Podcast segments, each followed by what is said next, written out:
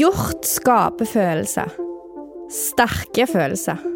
Og store tap for grovfòrprodusentene. Debattene handler ofte om hvor mange og hvilke dyr som skal tas ut. I dag skal vi snakke om tiltakene som ofte blir glemt. Tiltakene som reduserer skaden i enga for deg som må leve med en stor hjortestamme. Mitt navn er Ingvild Utebergen Nesheim, og du hører på podkasten Bondevennen.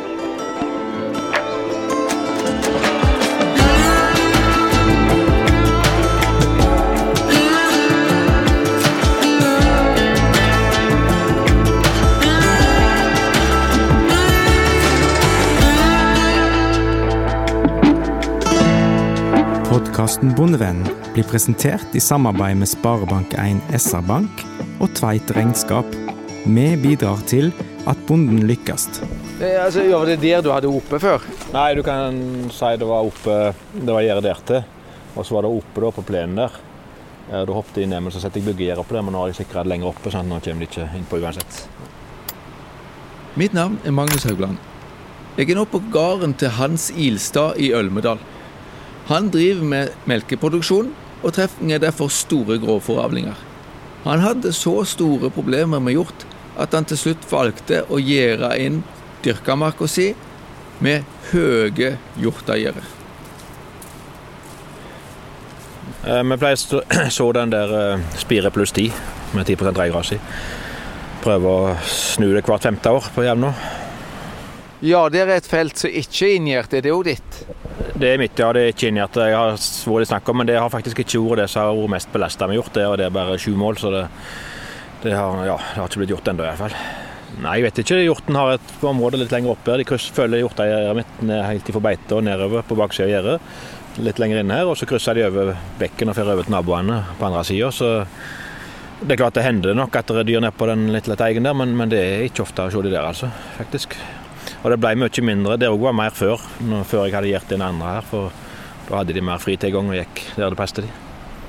Ja, så de, de hjortegjerdene her har egentlig begrensa trafikken ned til litt andre dyrk, annen dyrka mark òg, da? Ja, ikke meg så har de jo det. For at de Du har på en måte snutt opp ned på hele mønsteret deres. Her som vi står nå på hjørnet av fjosen, her hadde de jo hovedveien sin før. Jeg grov og planerte her noe, for noen år siden noen svære jordhauger. Og hjorten gikk rett frem over hodene og ned igjen på andre sida, der som de alltid hadde gått.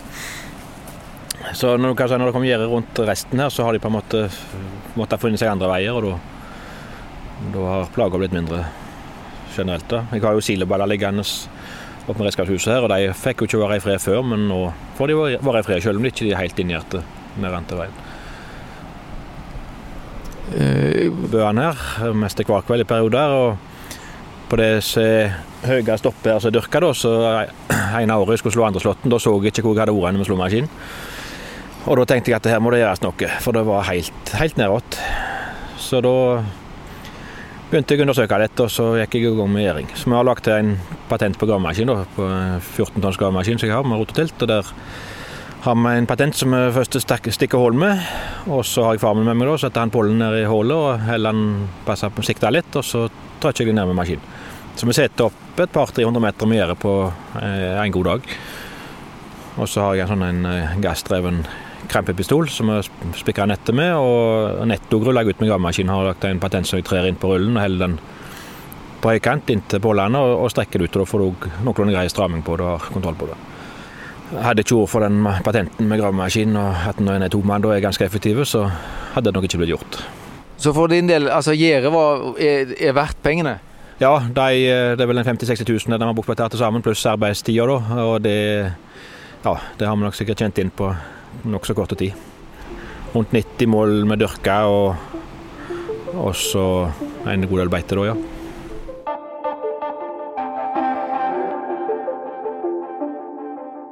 Det Hans har gjort, er jo veldig effektive tiltak. Og det fungerer. Eh, men det er jo veldig kostbart, da. Ja, det er dyrt. Eh, de kostnadene han snakket om, eh, er nok blitt høyere i dag. Vi kan fort regne minimum 150 kroner per meter med sånt gjerde, og da har du fått det til billig. Hvis vi ser effekten på avlingen, så kan vi forvente fort en dobling av avling i sånne, sånt som hans. avlingene er egentlig det som avgjør som regel lønnsomheten i drifta hos folk når du driver med grovfòr. Sånn at skal du få god lønnsomhet, så må du ha store avlinger. Men disse grasartene de reagerer jo veldig forskjellig på å bli beita. Eh, vi har jo timotei som går ut ved hyppige beiting. Ja, det var jo det vi så hos Hans.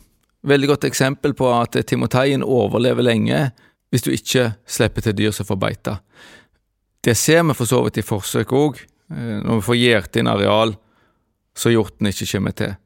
Vi har forsøksfelt fra før av i Rogaland. Vi har både hatt her på Haugalandet og NLR Vest har hatt det i senere tid, som viser at eh, disse her bladgrasartene tåler beiting mye bedre enn timoteien. Så har vi store problemer med at timoteien går ut pga. hjort, så må du enten gjøre den inn eller skifte. Kan du forklare hva du mener med bladgras og strågras? Ja, det er en definisjon som eh, ikke helt biologisk rett, men vi, skiller de sånn av praktiske årsaker. Strågras er typisk timotei, strandrør. De kommer opp med et strå. Klipper du det av, eller biter det av med en hjort, så må du liksom starte helt på nytt og bruke nistepakken sin. De strågrasene de tåler beiting og hyppeslått veldig dårlig, i motsetning til bladgras som bare fortsetter, det bare, bare bladet fortsetter bare å vokse, sånn som på engrap, reigras osv. Timoteien har jo vist seg at det ofte må være ryggraden i disse indre strøkene der vi sliter med mye hjort. Det er fordi at der en har mye hjort, er det ofte kalde vintrer. Og det er det som lager trøbbelet for reigras, ellers hadde det egentlig vært veldig enkelt råd, bare skift til reigras. Men i områder så det er for kaldt for reigraset, så må en kanskje vurdere andre ting. Enten bare en liten andel reigras, eller rett og slett gå over til strandsvingel. Strandsvingel er jo en nokså ny grasart for mange. Strandsvingel gir store avlinger. Det er vist i mange forsøk. Men det sies òg at strandsvingelen har dårlig smakelighet, og at eh, kyrne og sauene vil ikke ete det. Hvis vi klarer å få til god gjæringskvalitet, rask fortørking og hyppige slått, så kan også strandsvingel gi et relativt høyt fôropptak. Men det er litt forskjell i uh, innholdet når vi analyserer det, som gjør at uh, det vil aldri helt bli timotei. Nei, stemmer det. Det er ikke timotei. Men valget står jo da ofte mellom ei fullstendig ødelagt eng og så strandsvingel, som faktisk gir en akseptabel avling til tross for at en har gjort, så er valget ganske enkelt. For skal vi ha økonomi i grovfòrproduksjon, så må vi iallfall ta avlinger. Poenget er at uansett om hjorten vil ete av enga di, om det er timotei eller om det er strandsvingel, så dør ikke strandsvingelen av å bli beita. Strandsvingen krever en av hyppigere slått for å få samme kvaliteten. Hvis en grovfòrprodusent mistenker at det er store avlingstap pga. hjort, hvordan kan han da måle dette for å få dokumentasjon? Det er ganske enkelt. Det vi gjør i forsøk, da har vi standardiserte beitebur som vi bare setter ut. Det kan en endelig lage seg et lite bur som en setter ut. Enkelte tar og slenger ut eh, noen byggegjerder som de setter opp i en firkant eller trekant. En kan ta lettgrinder til storfe og småfe og sette dem sammen til et lite gjerde, gjerne å slenge dem på toppen så ingen klarer å hoppe over. Og så ser vi en del bilder vi får inn fra bønder som skal dokumentere avlingstap, så har de rett og slett tatt disse konteinerne som en får f.eks. syre i, disse tusenliterskonteinerne. Rundt den så har vi et eh, gitter. Hiv ut konteineren, sett gitteret opp ned ut i enga, og så har du et bur. Så gjør det enkelt. Smart. Hjorten liker godt de samme tingene som sauen og kua liker, eh, og de liker ikke fullt så godt de artene som tåler hyppig beiting, sånn som strandsvingel, hykor, engrapp. Hva med hundegras, da? Hundegras er det dårligste de kan ete. Det har vi sett i forsøk som ikke har vært gjort av forsøk. Vi har vært med på at forsøksfelt har blitt ødelagt av beiting, og da ser vi at dyra smaker ikke engang på hundegraset for å sjekke, for de vet allerede at det er dårlig. Det er klart de blir ikke beita i det hele tatt, men vi anbefaler ikke disse våteste områdene av hundegras, for det fungerer ikke ofte, så går det ut, og det blir en elendig kvalitet. Vi anbefaler i utgangspunktet alltid strandsvingel foran hundegras. Men hvis hjorten virkelig er sulten, da kommer han ned til bøen uansett. Vi hører jo til og med om tilfeller der hjorten har forsynt seg av fòrbrettet til dyra. Har du et hjorteproblem, så har du et hjorteproblem. Men det fins mellomting gjør at du i det minste kan redusere problemet. Altså en halvering av hjortemengden du har på bøen, det gir faktisk ganske stor virkning. Hjorten er jo glad i det sauen og kua er glad i. Eh, ikke sant? Så, så godt gjødsla eng, fornydd eng med timotei og sånn, det, det, er jo tiltrekning for hjorten. Og de er jo ikke dumme sånn sett, så de søker jo etter det beste. Du hører nå forsker Erling Meisingseth fra Divisjon for skog og utmark i NIBIO. Altså Hvis du skal helt bli kvitt hjorten, så er det jo sånne viltgjerde som kanskje er nødvendig. Det er jo en eh, stor investering som de fleste ikke kanskje har mulighet til. Eh, I tillegg så er det jo mange drivere i dag har jo en flekk her og en flekk der, som likeens som jeg har. Og Det har jo negative konsekvenser, det å ha opp sånne store viltgjerder òg. Det er jo vedlikehold, og det er jo på en måte hindrer jo ferdsel på, for andre dyr og for folk. Sånn sett så er det jo kanskje litt urealistisk og det med storstilt sånn viltgjerding, for å si det sånn. Så er det noen litt, sånn, eh, litt enklere tiltak som kan prøves å være aktuelle. Det er jo det er kanskje å ha i, på sommerhalvåret, da, eh, ofte, altså Våren er jo én ting, da gjør jo Eh, er jo hjorten innpå, og det er jo ofte da vi ser. Men så utover sommeren etter førsteslåtten, så kan jo en, et eh, lavere gjerde, et strømgjerde, enten en saunettinggjerde med en tråd på, eller et eh, andre typer strømgjerde, være nok til å holde hjorten unna. Mange har problemer med at andreslåtten forsvinner hjorten. Og det er samtidig med at beitene ofte begynner å gi mindre avling. Det betyr at vi trenger mer beiteareal i den perioden. Derfor passer det gjerne å ta areal hvor hjorten likevel stikker av med avlingen, gjøre inn det, og rett og slett beite andre slåtten. Det krever gjerde, og som vi hører Meisingseth sier, så vil de gjerdene i seg sjøl redusere mengden med hjort. Ja, og hvis vi skrur på isolatorer på toppen av gjerdepålene og strekker en stramtråd over, så er det jo ikke så mange dyr som klarer å komme seg over der. Stemmer, og det er et billig tiltak.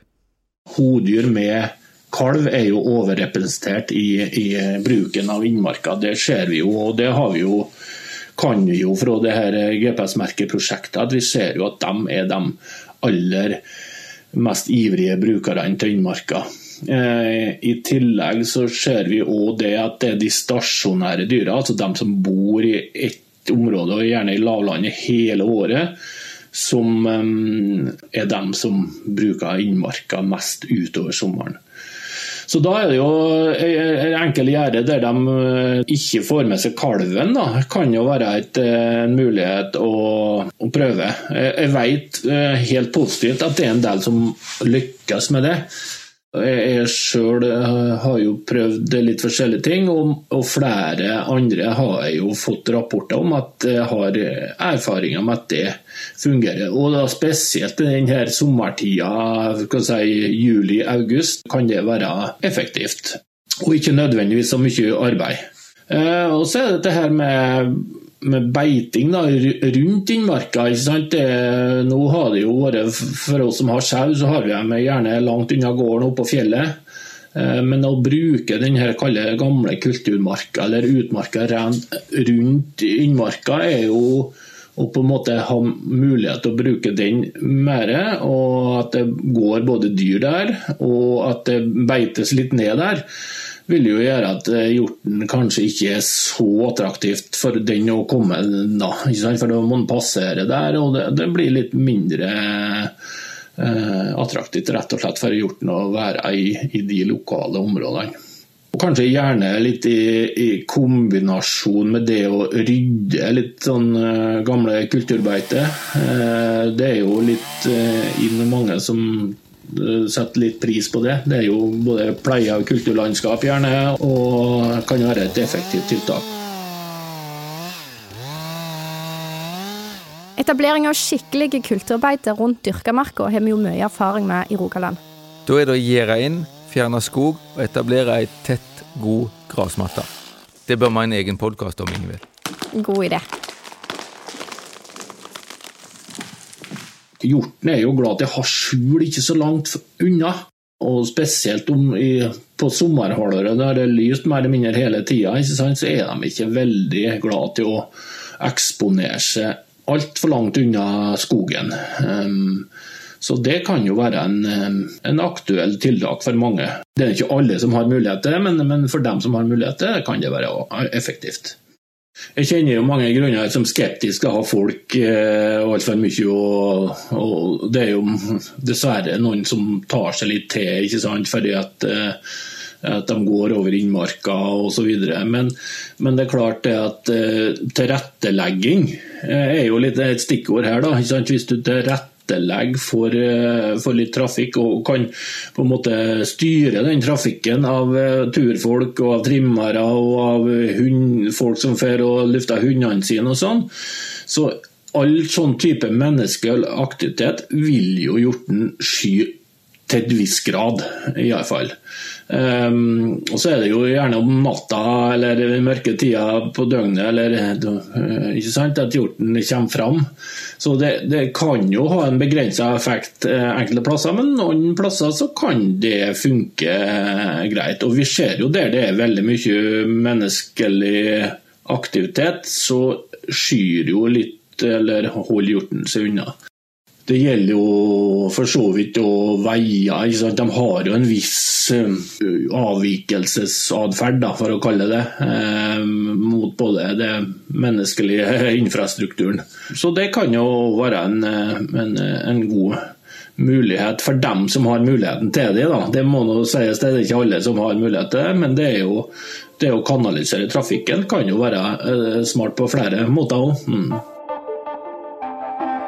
Vi var jo inne på det her med å redusere hjortebestanden i seg sjøl. Det jo, eh, kan jo være et effektivt eh, tiltak. Det skytes nå 50 000 hjort i året. Men hva for noen og hvor mange dyr som skal tas ut, er jo allerede bestemt når de tildeler løyvene for jaktsesongen. Ja, så det får vi ikke gjort så mye med. I denne podkasten skal vi snakke om hva vi får gjort noe med. Og vi vet at innenfor de løyvene vi har tildelt, så kan vi faktisk påvirke hvor mange bøtyver vi skyter. Innenfor det så det også, har vi òg handlingsrom, og det har vi jo lært litt gjennom de her merkeprosjektene. at eh, som jeg sa, så var det den stasjonære og trekkende gjort. Og trekka foregår jo ofte i, i, i jakttida, eller i september-oktober gjerne. ikke sant? Og de bøtyvene som går mest frekventert, de er der hele sommeren.